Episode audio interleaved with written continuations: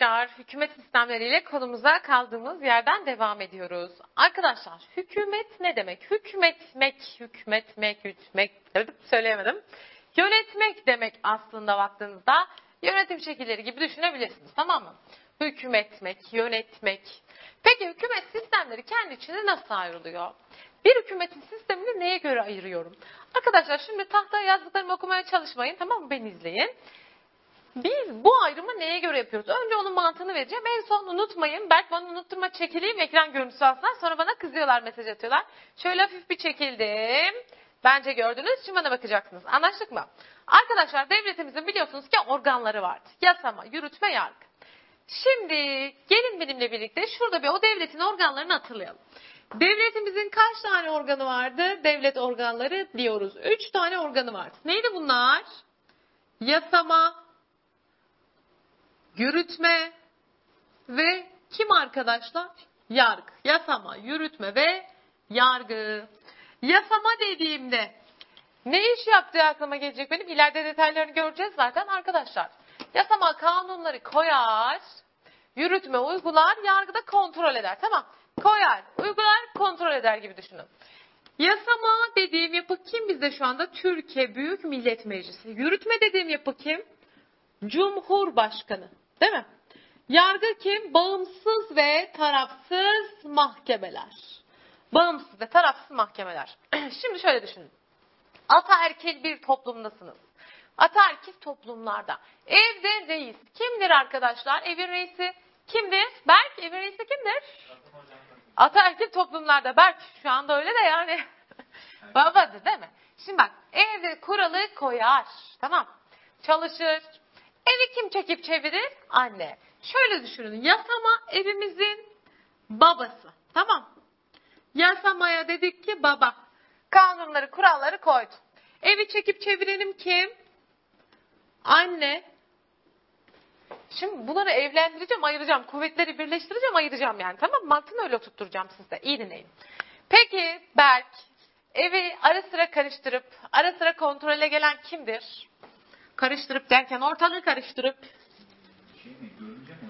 Görünce de olabilir. Biz kaynana diyelim. tamam. Yargıda kaynanamız. Kaynanamı elinden öptüm, oturttum kenara. Şimdi biz yasama ve yürütmeyle ilgileneceğiz aslında arkadaşlar. Bakın bunları karı koca olarak düşünün. Biri baba, biri ne? Anne. Bunlar evliler. Tamam. Bir aradalar yani. Şimdi kuvvetler birliği ve ayrılığı derken yasama ve yürütme ayrı mı? Bir mi? Buna bakacağım aslında. Anne baba üstünden gideceğim. Önce mantığı oturtmak için sonra teorik özelliklerini vereceğim. Tamam mı? Arkadaşlar kuvvetler birliği demek bir tanesi diğerinin de işini yapıyor demektir. Yani bir güç var. Annelik gücü de babalık gücü de onda toplanmış demektir. Hem annelik hem de babalık yapıyor demektir gibi düşünün. Ama ayrıysa eğer kuvvetler ayrılış yöntemine göre onun işi ayrı, onun işi ayrıdır diyeceğiz şimdi tamam mı? Hemen kuvvetler birliği yöntemine geldim arkadaşlar. Yasama ve yürütme evliler. Yani anne ve babalarımız. Şimdi şuraya şöyle bir halka çiziyorum tamam mı? Bu benim yasama kümemmiş. Babayı çizdim. Arkadaşlar evliler ve evin annesinin olmadığını düşün. Evin annesi vefat etmiş. Baba annelik vazifesini de üstlenmiş. Ben artık diyor bu evin hem annesiyim hem de babasıyım.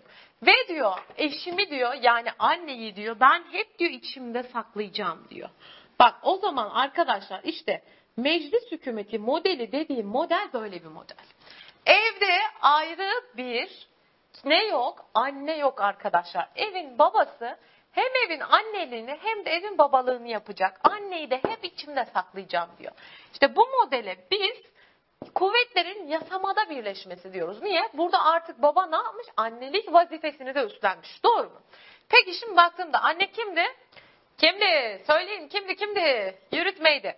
Arkadaşlar bu modele baktığımız zaman o zaman şunu mu göreceğiz? Bir daha toparlarsak eğer.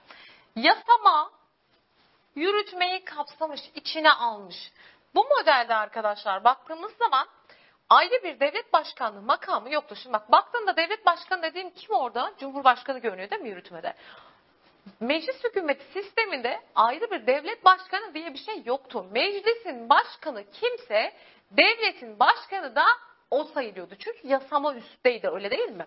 İlk özellik olarak o zaman diyorum ki meclis hükümeti sisteminde bak yasama içine almış çünkü yürütmeyi zaten değil mi? Ayrı bir devlet başkanlığı makamı yoktur. Meclis başkanı aynı zamanda arkadaşlar devletin de neyidir? Başıdır. Yani burada merkezde kim var dedik yine meclis var. Dolayısıyla güçler kimde toplanmış? Mecliste. Kanunu koyan da meclis, uygulayan da meclis baktığında, yön veren de meclis. Dolayısıyla da diyor bakanlar bile diyor meclisin içinden tek tek ne yapılır? Meclis tarafından seçilirler diyor arkadaşlar. Ve dolayısıyla şunu söylüyor yasama her şeyin üstünde olduğu için yasama diyor yürütmeyi görevden alabilir yani bakanların görevine ne yapabilir son verebilir diyor. 1921 anayasasında görülen hükümet modelimiz meclis hükümeti sistemi olarak karşımıza çıkıyor arkadaşlar. Şimdi hep birlikte bir o döneme gidelim. 21 anayasası dönemini zaten işleyeceğiz arkadaşlar. 21 anayasası döneminde gerçekten de Cumhurbaşkanı diye bir şey var mıydı? Yoktu. Cumhurbaşkanlığı makamı ne zaman oluşturuldu? Cumhuriyetin ilan edilmesiyle Cumhurbaşkanlığı makamı oluştu. E o zaman diyorum ki 21 döneminde diyorum o zaman ilk başlangıçta devlet başkanı, cumhurbaşkanı falan yoktu. E devlet başsız olur mu? Olmaz. O yüzden meclis başkanı aynı zamanda devletin de başıydı. Meclis hükümeti sisteminin en önemli özelliği bu arkadaşlar. Tamam mı? Şimdi burada kuvvetler bir, Yürütmede birleşirse ne olur? Yasamada birleşirse, mecliste birleşirse yani meclis hükümeti sistemi çıktı. Yürütmede birleşirse, bak yürütmede kim var orada? Bir cumhurbaşkanı. Arkadaşlar tek bir kişide birleştiği modele biz e, mutlak monarşi ya da diktatörlük modeli diyoruz. Bizim için çok önemli değil. İster birinin adını isterseniz unutabilirsiniz. Tamam. Şimdi asıl geliyoruz konumuza. Kuvvetleri ayıracağız. Yani anne ile babayı ayır, ayıracağız arkadaşlar. Anne ile baba yani yasama ile yürütme birbirini severek evlenmişlerdir. Ama sonra gel zaman git zaman demişler ki ya demiş biz evlenince aşkın büyüsü bozuldu görüyor musun aynı evin içine girince çorabını bir yere atıyorsun. Saçlarının kılları her yerden çıkıyor saçların dökülüyor. Demişler ki bu evlilik aşkın büyüsünü bozdu. Gel demişler nikahı bitirelim biz. Evlenme yani ayrılalım demiş. O da demiş ama demiş biz birbirimizi seviyoruz. Ama demiş işte nikah demiş aşkın büyüsünü bozdu. Biz birbirimizi sevmeye devam edelim ama rahat takılalım demiş. Ayrı olalım demiş. İşte bu nasıl bir ayrılık? Böyle ayrılık mı olur? Bu yumuşak bir ayrılık arkadaşlar. Yani ayrılsak da beraberiz dedikleri yöntem. Tamam burada böyle bir şey var. Parlamenter sistemde işte severek ayrılıyorlar. Buraya geldiğimde sert ayrılığa Burada da şimdi severek evlenmişler ya evlenince her şey değişmiş. Ve artık birbirlerinden nefret ediyorlar. Birbirlerini aldatmışlar. Bir daha birbirlerinin yüzlerini bile görmek istemiyorlar arkadaşlar. Tamam öyle düşünün. Dolayısıyla bak yasamayla yürütme sert bir şekilde ayrı burada. Ama burada ayrılsak da beraberiz diyorlar. Anlaştık mı? Önce bu ayrıma bakacağım. Sonra karma ayrılık dediğim yarı başkanlık sistemi zaten ikisinin karışığı. Karışığı mı? Karışığı. Karmasız tamam mı? Parlamenter sistemde kuvvetler birbirinden yumuşak bir şekilde ayrılmıştır. Yani bana şöyle sorarsa kuvvetlerin yumuşak ayrılığına dayanan hükümet modeli nedir derse parlamenter hükümet sistemi diyoruz arkadaşlar. Tamam mı? Parlamenter hükümet sistemi. Kuvvetlerin sert ayrılığına dayanan hükümet sistemi nedir diye sorarsa cevabımız başkanlık sistemi olacak. Şimdi yasamayla yürütmeyi düşünüyorum. Arkadaşlar yumuşak ayrılığa baktığınızda şimdi bunlar nikahı bitirdiler ama aynı evde yaşamaya devam edebilirler, birbirlerine müdahale edebilirler. Öyle değil mi? Nikah bitti ama ayrılsak da beraberiz diyorlar. O zaman yasamayla yürütmeye baktığında arkadaşlar bunlar aynı evin içine girecekler mi? Şöyle bir küme oluşturursam mesela ben parlamenter sistem için. Yasama, Yürütme. Bak ayrılar ama yine de bir, bir aradalık yönleri de var değil mi? Biri yasama, biri yürütme kümesi olduğu zaman. Diyor ki bu sistem. Önce ayrımını vereceğim. Aynı kişi diyor hem yasamada hem de yürütmede görev alabilir. Yani aynı evin içine girebilirler, birbirlerinin evine girebilirler diyor. Bu ne demek? Arkadaşlar yasama dediğim, yasamada kimler var? Milletvekilleri var değil mi? Yürütmede kim var? Cumhurbaşkanı var, bakan var, Aynı kişi hem yasamada hem de yürütmede görev alabilir. Yani aynı kişi hem milletvekili hem de ne olabilir diyor? Bakan olabilir diyor bu modele göre diyor. E bunlar birbirine müdahale edebileceklerdi. Diyor ki Yasama yürütmeyi, yürütme de yasamayı belli koşullarda feshedebilir. Yürü git bugün gelme kafamı bozdun diyebilir mi? Diyebilir bak. Ayrılır ama yasama yürütmeye, yürütme de yasamaya ne yapıyor baktığınızda müdahale ediyor. Ama başkanlık sistemine baktığımızda arkadaşlar çok sert bir ayrılık var ya asla aynı çatı altına giremeyecekler.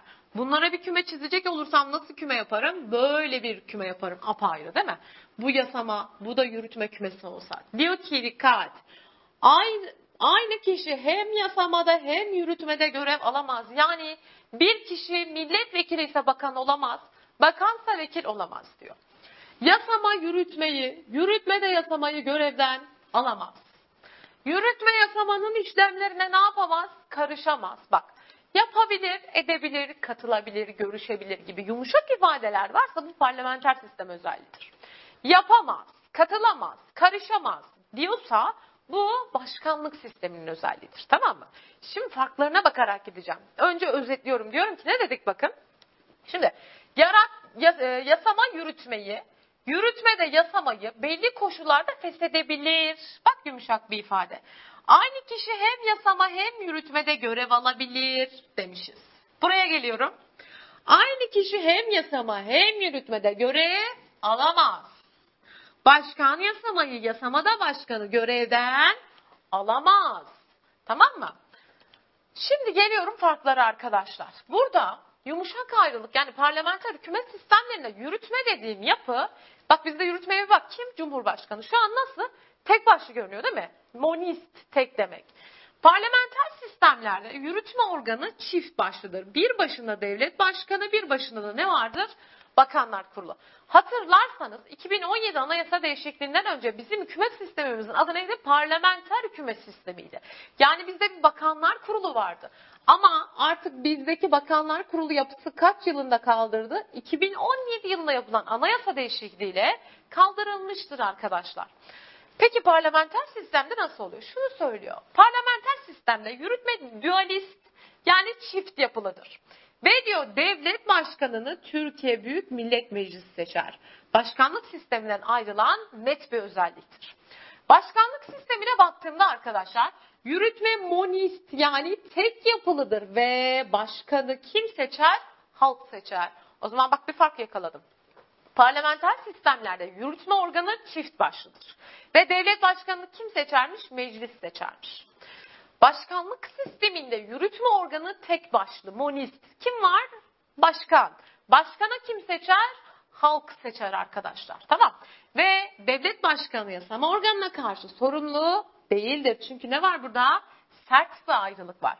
Ama yürütmenin içinde yer alan bakanlar başbakana karşı nedirler? Sorumludurlar. Bunu söylüyor bana tamam mı? Yürütme yapısının dualist olduğu parlamenter sistemlerde hükümet parlamento içinden çıkar. Parlamento dediği ne arkadaşlar? Meclis değil mi? Peki hükümet dediği ne burada baktığında? Yürütme yapısı yani şurası bakanlar kurulu aslında. Hatırlar mısınız arkadaşlar? Hani diyordu ya burada hükümet parlamento içinden çıkar. Bu ne demek? Hükümet parlamento içinden çıkar. O zaman ben diyor milletvekillerinden alıyorum diyor sanki bakın. Biz de 2017 anayasa değişikliğinden önce bakanların hepsi neredeyse aynı zamanda neydi? Milletvekiliydi arkadaşlar. Bunu söylüyor yani. Anlaştık mı? Temel özellikleri bunlar. Ki zaten artık baktığında bizde bunların hiçbiri var mı? Yok. Çalışırken az çalışın bunlara. Karma ayrılığa geldiğimizde ise burada yarı başkanlık sistemi karşıma çıkıyor.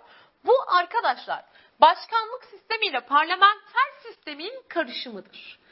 Tipik Fransa örnek gösteridir. Der ki bu başkanlık sisteminin özelliklerinden de taşır, parlamenter sistemin özelliklerinden de taşır. Peki nasıl diyorum ben de? Mesela diyor bak parlamenter sisteme baktığında yürütme nasıl? Dualist. Yarı başkanlık sisteminde yürütme nasıl? Dualist yani iki başlı. Devlet başkanı dediğim bir yapı var. Bir de ne var? Bakanlar kurulu dediğimiz bir yapı var arkadaşlar. Burada devlet başkanı kim seçer peki? Halk. Bu özelliği de kime benziyor baktığınızda? Başkanlık sistemine. Yani bakın yürütmesinin dualist olması, çift başlı olması neyin benzeri? Parlamenter sistemin. Devlet başkanını ise halkın seçmesi arkadaşlar neyin özelliğini gösteriyor burada baktığımızda? Başkanlık sisteminin özelliğini gösteriyor. Biz 1961 anayasasıyla birlikte parlamenter sistem kullandık. Bakın dikkat edin. Anayasalarda anlatacağım yine. 1961 anayasasıyla biz kuvvetleri ayırdık arkadaşlar. Kuvvetler yumuşak bir şekilde ayrıldı şuraya geldiğinde. 1961'de hangi hükümet sistemi vardı bizde? Parlamenter sistem hükümet vardı. 1982 anayasasında ise yine parlamenter hükümet sistemiyle devam ettik aslında. Ta ki ne zamana kadar? 2017 anayasa değişikliğine kadar arkadaşlar. 2017 yılında yapılan anayasa değişikliğiyle artık Türk hukukunda uygulanan sistemin adı nedir? Artık bizde Cumhurbaşkanlığı hükümet sistemine geçilmiştir arkadaşlar. Tamam mı? Cumhurbaşkanlığı hükümet sistemi. Yani parlamenter sistem diyemem. Çünkü 82 Anayasası'nın ilk halinde parlamenter sistemlik. Evet. Ama değişti. Ve değişiklikler biliyorsunuz ki anayasaya dahildir. Yani bana o zaman 82 Anayasası'na göre Türk hukukunda uygulanan hükümet modeli nedir derse Cumhurbaşkanlığı hükümet sistemidir. Tahtaya baktığınızda böyle bir hükümet sistemi e, ayrımların arasına koyabildik mi? Hayır arkadaşlar. Biraz bizim kendi hukuk sistemimizde olan bir sistem oldu bu sistem. Artık Türk hukukunda Cumhurbaşkanlığı hükümet sistemi uygulanıyor.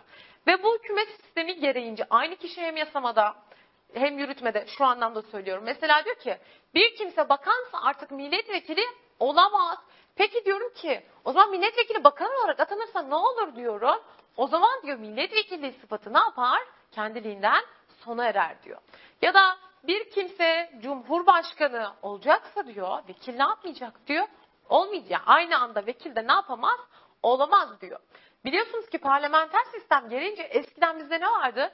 Cumhurbaşkanının bir siyasi parti ilişkisi olamazdı. Ama artık Cumhurbaşkanlığı hükümet sistemi partili Cumhurbaşkanlığının önünü açmıştır arkadaşlar. Cumhurbaşkanı hükümet sistemi gereğince artık Cumhurbaşkanı bir siyasi partinin üyesi hatta kurucusu ne yapabilir? Olabilir arkadaşlar. Zaten ben size bütün dersleri Cumhurbaşkanlığı hükümet sistemine göre anlatacağım. Yasama diyeceğim, yürütme diyeceğim, yargı diyeceğim ve bunları neye? Hükümet modelimize uyarlayarak güzel bir şekilde değişiklikleriyle birlikte zaten anlatacağım sizlere. Tamam mı? O zaman şimdi toparlayacak olursak. Kuvvetler yasamada birleşmişse ortaya meclis hükümet sistemi çıkmıştır. Ve dikkat! 1921 Anayasası'nda uygulanan özellik nedir? Hükümet modeli meclis hükümet sistemidir. Parlamenter sistemde yürütme çift başlıyken başkanlık sisteminde yürütme tek başlıdır. Parlamenter sistemde devlet başkanı meclis seçerken başkanlık sisteminde devlet başkanı kim seçer? Halk seçer. Parlamenter sistemde aynı kişi hem yasamada hem yürütmede görev alabilir. Başkanlık sisteminde aynı kişi hem yasama hem yürütmede görev alamaz. Parlamenter sistemde yasama yürütmeyi, yürütme de yasamayı belli koşullarda feshedebilir. Ama başkanlık sisteminde yasama yürütmeyi, yürütme de yasamayı görevden alamaz arkadaşlar. 21 Anayasasında uygulanan model meclis hükümeti sistemi. Bak buraya gelmişim 61-82. E 24 a arada kaynadı. 24 Anayasası için ne söyleyeceğim ben? 1924 Anayasası meclis hükümeti sistemiyle arkadaşlar parlamenter sistemin karmasıdır. Yani iki hükümet modelinden de özellikler taşır. Dolayısıyla 24 Anayasasında gözlemlenen hükümet modelinin adı neymiş o zaman? Karma hükümet modeliymiş. Anlaştık mı? 61 ile birlikte parlamenter sisteme geçiş yapıyoruz. 82 Anayasasında başlangıçta parlamenter sistem kullanıldı. Ancak 2017 Anayasa değişikliğiyle artık Cumhurbaşkanlığı hükümet sistemine geçmiş olduk. Bir kere daha sizler için söylüyorum. Belki sen de bize yardımcı ol. Pıt pıt yapalım tamam. Siz de söyleyin lütfen. 21 Anayasası'nın hükümet modeli nedir? Meclis hükümeti sistemi. 24 Anayasası'nın hükümet modeli nedir? Karma hükümet sistemi. 1961 Anayasası'nın hükümet modeli nedir? Parlamenter sistem. Hatta parlamenter sisteme biz 61 ile geçmiştik. Kuvvetleri ayırmıştık. 1982 Anayasası'ndaki hükümet modelidir o. Nedir? Sakın parlamenter sistem demeyin. Nedir? Cumhurbaşkanlığı hükümet sistemidir arkadaşlar. Anlaştık mı? Bence anlaştık. O zaman ben şimdi tahtayı temizleyip geliyorum demokrasi kavramından bahsedeceğim. Sildim ve geldim. Şimdi demokrasi kavramından bahsedeceğiz. Demokrasi deyince akla ne geliyor? Arkadaşlar küçüklüğümüzden beri okul sıralarında hep şunu duyardık değil mi? Demokrasi nedir diye sorulduğunda sınıfça halkın kendi kendini yönetmesidir gibi şeyler çıkardı ağzımıza. Bakalım neymiş demokrasi? Demokrasiden bahsedebilmek için acaba neler gerekiyor? Arkadaşlar demokrasi dediğimizde aslında demokrasi çok sesin uyum içinde olmasıdır öyle değil mi? Herkesin dediğini yapabilmek mümkün mü? Hayır. Bizim bir hocamız hep şey derdi. Demokrasi bir hipnoz sanatıdır derdi. Hipnoz sanatıdır derdi. Dikkat edin. Şimdi şey düşünün bir sınıftasınız ve sınıfta 30 tane öğrenci var. Bir şeyin kararını almaya çalışıyorum ben. Şimdi 10 öğrenci bir şey derken, 15 öğrenci bir şey derken, 8 öğrenci bir şey derken ben burada demokrasiyi sağlayabilmek adına ne diyorum? Çoğunluğun dediğini yapacağım diyorum. E baktığında 25 kişinin evet dediği bir şey 30 kişilik bir sınıfta 5 kişinin istediği olmaya da biliyor aslında baktığınızda. O yüzden asıl demokrasi, e, demokrasiyi sağlamak çok da zordur arkadaşlar. Demokrasi biraz baktığınızda çok sesin uyum içinde olması demektir aslında. Demokrasiden bahsetmek istiyorsam bir kere seçim olması lazım. Seçebileceğim şeyler olması lazım. Tek bir şey varsa, seçim olsa bile bir anlamı olur mu? Bir alternatif yoksa seçime gerek yoktur. O yüzden demokrasiden bahsedebilmek için bir takım şeyler lazım arkadaşlar. Neler lazım yazarak gidelim ki görelim aynı zamanda. Demokrasiden bahsedebilmek istiyorsam arkadaşlar, belirli aralıklarla tekrarlanan, belirli aralıklarla tekrarlanan seçimler yapılmalı. Belli aralıklarla tekrarlanan seçimler yapılmalıdır. Peki bizde seçimler kaç yılda bir yapılıyor artık? 5 yılda bir yapılıyor değil mi? Belli aralıklarla tekrarlanıyor. Peki arkadaşlar bu seçimler nasıl olmalıdır? Seçimler serbest olmalıdır. Yani seçimler serbest deyip seçimlerin serbest olması gerekir. Seçimler serbest deyip bak şu partiye oy vereceksin topunu sıkarım olur mu? Hayır olmaz arkadaşlar. Siyasal makamlar dolayısıyla iş başına nasıl gelecekler? Siyasal makamların seçimle iş başına gelmesi gerekir. Seçimle iş başına gelmesi gerekir ki demokrasiden bahsedebilelim arkadaşlar öyle değil mi? Başka ne söyleyebilirim? Diyor ki demokratik bir toplumda temel hak ve hürriyetlerin anayasada güvence altına alınmış olması lazım diyor. Yani seçim hakkım, seçilme hakkım benim anayasada yazmıyor mu zaten? Aynen yazıyor. Diyeceğiz ki temel hak ve hürriyetlerin temel hak ve hürriyetlerin anayasal güvence altına alınması gerekir. Anayasal güvence altına alınması gerekir. Peki diyorum ki başka ne gerekir acaba demokrasi olması için arkadaşlar sizce?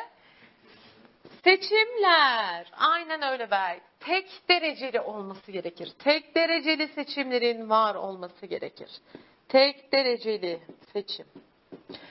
Arkadaşlar tek dereceli seçimden kasıt ne burada? Şimdi bizde 1946 yılına kadar tek dereceli seçim yoktu baktığında. Tek dereceli seçim şu anda uygulanıyor. Eskiden çift dereceliydi. Ben birilerini seçiyordum. Seçtiğim kişiler de beni yönetecek olanları seçiyorlardı. Ama şimdi gidip bize evet söyleyemedim. Gidip bizzat oyumu ne yapıyorum? Kendim kullanıyorum. İşte tek dereceli seçim olmalı ki demokrasi tam anlamıyla ne yapsın diyor? Olsun diyor. Ve diyor demokrasiden bahsedebilmek için muhalefetin muhalefetin iktidar olma şansı da olmalı. Muhalefetin iktidar olma şansı olmalıdır diyor. Var mı? Var tabii ki değil mi? Muhalefette olan partinin, arkadaşlar iktidar dediğim parti kim? Birinci parti değil mi? Muhalefette diğer partiler. Ana muhalefet ikinci parti, muhalefette diğer partiler olarak karşıma çıkıyor. Dolayısıyla muhalefet partilerinin de iktidar olma şansı her zaman ne yapılmalı? Olmalı. Elinden ne yapılmamalı? Alınmamalı ki demokrasiden söz edebilelim arkadaşlar. Tamam. Bir daha toparlıyorum. Belli aralıklarla tekrarlanan seçimler yapılacak. Seçimler serbest olacak. Siyasal makamlar seçimle iş başına gelecek. Temel hak ve hürriyetler anayasada güvence altına alınacak. Seçimler tek dereceli olacak. Muhalefetin iktidar olma şansı olacak. Bir de arkadaşlar onu da söyleyelim. Birden fazla siyasi partinin var olması gerekir. Söyledik ama ekleyelim. Birden fazla siyasi partinin de var olması gerekir ki demokrasiden bahsedebilelim. Şimdi dedik ki demokrasi halkın kendi kendini yönetmesidir. E biz şimdi kendi kendimizi yönetiyor muyuz baktığınızda? Yoksa birileri mi yönetiyor acaba? Demokrasi modellerine bakacağız arkadaşlar şimdi. Demokrasi modelleri yani bu demokrasi nasıl kullanıyor kullanıyoruz biz? Demokrasi modelleri. Hangi tür demokrasiyi kullanıyoruz? Arkadaşlar üç tane demokrasi modeli bakacağız biz. Bunlardan bir tanesine diyeceğiz ki doğrudan demokrasi. Tadından yenmez ama zordur. İkincisi yarı doğrudan demokrasi. Yarı doğrudan demokrasi. Ve üçüncüsü temsili demokrasi vardır. Temsili demokrasi. Şimdi baktım acaba bunların birbirinden farkı ne? Ne dedik? Halkın kendi kendini yönetmesi ya da halkın halk için yönetilmesi. Arkadaşlar şurada bir halk var. Tamam. Eski Yunan kentlerinde nüfus az. Halk ne yapıyor biliyor musunuz? Bu kanun olacak diyor. Bunu değiştiriyorum. Bunu kaldırıyorum. Aa bunu yeniden getiriyorum. Aa böyle bir şey yapacağız. Bu da olsun. Halk sayı az. Dolayısıyla her şeyi halk kendi yapıyor. Yani halkın dışında haydi bu da yasa olsun diyen bir güç var mı? Yok. Eski Yunan kentlerinde görülen model işte. De- dedim ya tadından yenmez diye. Bizde olduğunu düşünsenize. Çokluk biliyorsunuz hep sıkıntıdır diyorum size. O yüzden arkadaşlar doğrudan demokraside her şeyi halk ne yapıyor? Kendi karara bağlıyor. Halk bizzat demokrasiyi ne yapıyor? Kendi kullanıyor. Ama nüfus çok artıyor. Arttıkça bu mümkün mü? Ee. O yüzden diyorlar ki azıcık kırpalım bunu. Yarı da doğrudan demokrasi de seçimle iş başına gelen bir makam olsa da arkadaşlar mesela şurayı şey düşünün. Seçimle iş başına gelen bir makam var burada. Ama diyor bazı kararlar seçmenlerin katılımıyla alır. Yani seçmeni de dahil ediyor. Burada halk bizzat kendi var değil mi doğrudan? Seçimle iş başına gelmiş bir makam yoktu. Ama burada seçimle oluşturulmuş bir makam var. Ve seçmenler de katılabilir diyor. Yani bizde olsaydı şöyle olacaktı. Hem meclis olacaktı, meclis kanun yapacaktı. Hem de biz de yapabilecektik. Düşünsenize şöyle bir şey olsaydı. Ne kanun teklifi verirdiniz? Berk sen ne kanun teklifi verirdin? Yani bizim kanun yapma yetkimiz olsaydı sen kanun teklifinde bulunur muydun? Bulunmaz mıydın? Aa, bence şu an beni dinleyen güzel öğrencilerimin hepsi şunu bulunacaktı. Atama atama atama. Tahmin edebiliyorum yani ya da şey sesleri duyardım. KPSS olsun gibi. Seçimle iş başına gelen makam var. Seçmenler de katılıyor. Peki seçmenler nasıl katılıyor? Biz yani. Seçmen de değil biziz değil mi? Buna yarı doğrudan demokrasinin araçları denir. Acaba seçmenler yönetime nasıl katılıyor arkadaşlar? Yarı doğrudan demokrasinin araçları var. Bunlardan biri halk girişimi. Halk girişimi halkın kanun teklifinde bulunması demektir. Biraz önce söylediğim örnek işte. Halkın kanun teklifinde bulunması. Mesela ben dedim ki erkekler de topuklu ayakkabı giysin diye bir kanun teklifinde bulunuyorum arkadaşlar seçilmiş makama. Tamam. Sizce bu kanun teklifim geçer mi? Erkekler de topuklu ayakkabı giysin. Neden geçmez belki? Geçmemeli bence de katılıyorum ki topuklu ayakkabıyı biz giyelim ki tahtaya yetişebilelim. Tamam mı? Halk girişim neymiş? Halkın kanun teklifinde bulunmasıymış. Peki diğeri halk oylaması. Halk oylaması nedir? Meclis kanunu yapıyor. Halka diyor ki hey halkım diyor böyle bir kanun yaptım diyor. Ne dersin diye halka soruyor arkadaşlar. Bizde de halk oylaması anayasa değişikliklerinde yapılıyor öyle değil mi? Mesela 2017 anayasa değişikliği halk oylamasıyla yapıldı. Buradaki daha geniş bir yetki. Halk oylamasından kastı referandum yani. Halka kanunları soruyor. Bizde bu kadar tüm kanunlar sunulur mu halka? Hayır. Sordular mı hiç? Para basacağız ne dersiniz? Hayır. Biz anayasa değişikliklerine ilişkin kanunlarda halk oylamasına gidiyoruz arkadaşlar. Bir diğer yöntem halk vetosu. Veto edim. Şey, Azer Bülbül'ün bir şarkısı vardı ya. Şu an o geldi aklıma niye bilmiyorum ama. Kurşun yedim. Ey diye mi devam ediyordu ne yapıyor? Bir gün bunu yine derste söylüyorum aklıma gelmişti. Hocam sarı saçlarınızın hiç hakkını vermiyorsunuz demişlerdi bana ders. Analım kendisini saygıyla. Halk vetosu şu arkadaşlar. Veto geri çevirme, reddetme demek. Seçimle iş başına gelen makam var ya, onlar bir kanun çıkarıyor. Halk diyor ki püf ne biçim kanun çıkarmışsınız. Biz bu kanunu istemiyoruz deyip halk kanunu ne yapıyor? Geri çeviriyor. Peki bir de arkadaşlar temsilcilerin azli var. Bu ne demek? Temsilcilerin azli. Azil seni azletti diyoruz ya hani. Arkadaşlar azil görevden alma, görevine son verme. Yürü git yoluna bak diyorsun aslında.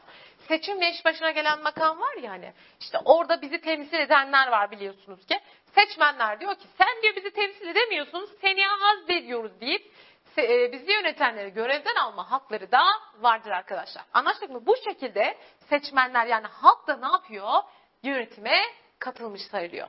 Nüfus çok olunca arkadaşlar böyle şeyler mümkün değil. Çok zor şeyler. Ee, sıkıntı yaşanabilecek şeylerdir. Tamam mı? Halk girişimi, halk oylaması, halk vetosu, temsilcilerin azli, yarı doğrudan demokrasinin araçları. Doğrudan demokraside her şeyi halk karara bağlıyordu. Yarı doğrudan demokraside seçimle iş başına gelen makamlar olsa da bazı kararlar seçmenlerin katılımıyla alınıyordu. Temsili demokrasi biz seç diyor kenara geç bak diyor. Biz hazırız severiz diyor nasılsa. Arkadaşlar burada halk egemenliği doğrudan kendi seçtiği temsilciler aracılığıyla kullanmasıdır. Tamam mı? Halkın egemenliğini doğrudan kendi seçtiği temsilciler aracılığıyla kullanması. Kendi seçtiği temsilciler aracılığıyla kullanması. Dünyada da en çok uygulanan demokrasi modeli zaten temsili demokrasi. Türkiye'de de temsili demokrasi modeli uygulanmakta. Halk kendi seçtiği kişiler, temsilciler aracılığıyla yapılıyor. Yani meclis kanunu çıkarıyorsa benim için çıkarıyor. Şey demez miyiz? Yasama yetkisi Türk milleti adına Türkiye Büyük Millet Meclisi'ne aittir gibi arkadaşlar. Anlaştık mı? Peki şimdi demokrasinin başında şunu söylemiştim ya. Çoğunluğun sesi aslında. Arkadaşlar iki tip demokrasi anlayışı var baktığımızda. Anayasaları anlatırken söz edeceğim bunlardan. Şimdi demokrasi anlayışları diye karşıma iki tip anlayış çıkıyor. Bunlardan biri çoğulcu demokrasi anlayışı, bir diğeri ise çoğunlukçu demokrasi anlayışıdır. Çoğunlukçu demokrasi anlayışı. Şimdi çoğulcu demokrasi demek çoğunluğun dediği olmasın, herkesin dediği olsun diyor. Ama çoğunlukçu çoğunluğun dediği olsun. Canım azınlığını boş ver diyor. Sınıfta 30 kişi var. Dedim ya biraz önce. 25 kişi ya da size dedim ki arkadaşlar şöyle bir şey yapacağız. A ve B alternatifleri var. 25 kişi A'yı seçti. 5 kişi B'yi seçti. Oturun oraya dedim 5 kişi. Olmaz. 25'in dediği olacak. Dediğim model ne arkadaşlar benim? Çoğunlukçu. Yani azınlık haklarını önemsemeyen, çoğunluğun dediği olur diyen anlayış neymiş? Çoğunlukçu. Azınlık haklarını ne yapmıyor bak? Önemsemiyor. Çoğunluğun dediği olur diyor. Ama çoğulcu azınlık haklarını ne yapar arkadaşlar? Önemser. Azınlık haklarına da değer verir. Onların fikirlerini de ne yapar? Alır. Çok sesin uyum içinde olması mantığı aslında çoğulcudan kaynaklanıyor. Bak çok sesin. Yo yanlış söyledim. Çok ses uyum içinde genelde e, kullanılabilir yöntem bu arkadaşlar. Ama uygun olan asıl demokrasi anlayışı çoğulcu azınlık haklarında koruyan anlayıştır.